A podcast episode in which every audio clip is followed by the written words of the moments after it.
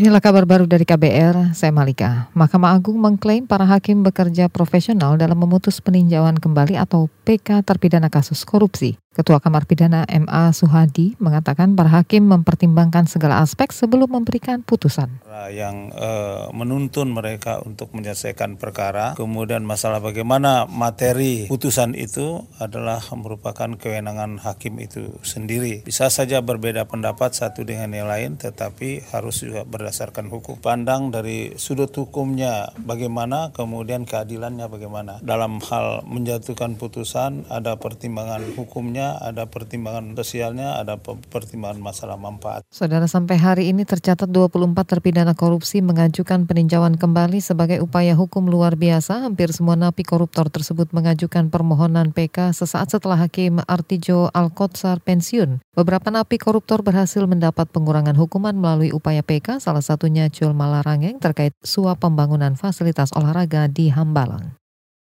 Calon Presiden incumbent Joko Widodo berjanji membentuk bulog khusus rotan jika menang Pilpres 2019. Janji itu disampaikan Jokowi usai meninjau kawasan industri rotan rumahan di Cirebon, Jawa Barat. Kata dia, bulog khusus rotan akan mendekatkan petani dan pengrajin sekaligus menjaga pasokan bahan baku mebel. Jokowi berjanji segera mengumpulkan petani dan pelaku industri rotan untuk mematangkan gagasan tersebut. Tadi kita berpikiran untuk membuat bulognya rotan. Jadi stok ada kita beli stok dari petani-petani rotan di Sulawesi, di Kalimantan, di stok di bulognya rotan itu. Terus di sini pengrajinnya tinggal belinya di dekat sini.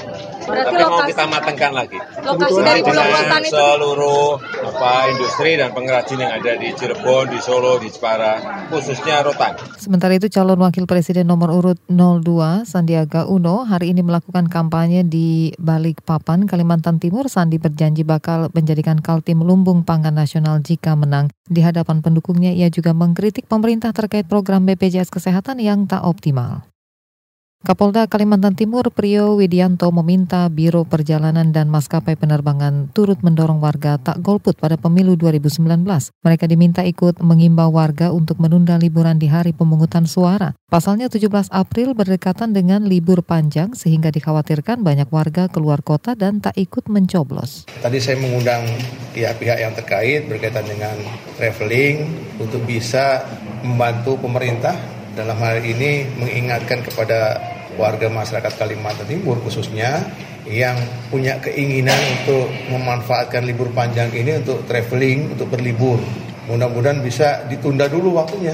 Setelah nyoblos baru berangkat. Kapolda Kaltim Prio Widianto mendorong warga datang ke TPS agar partisipasi pemilih di wilayah itu melebihi capaian 2014 lalu sebesar 60 persen. Prio meminta warga tak khawatir dengan pelaksanaan kampanye terbuka di sisa waktu jelang pencoblosan. Ia menjamin kampanye berjalan aman.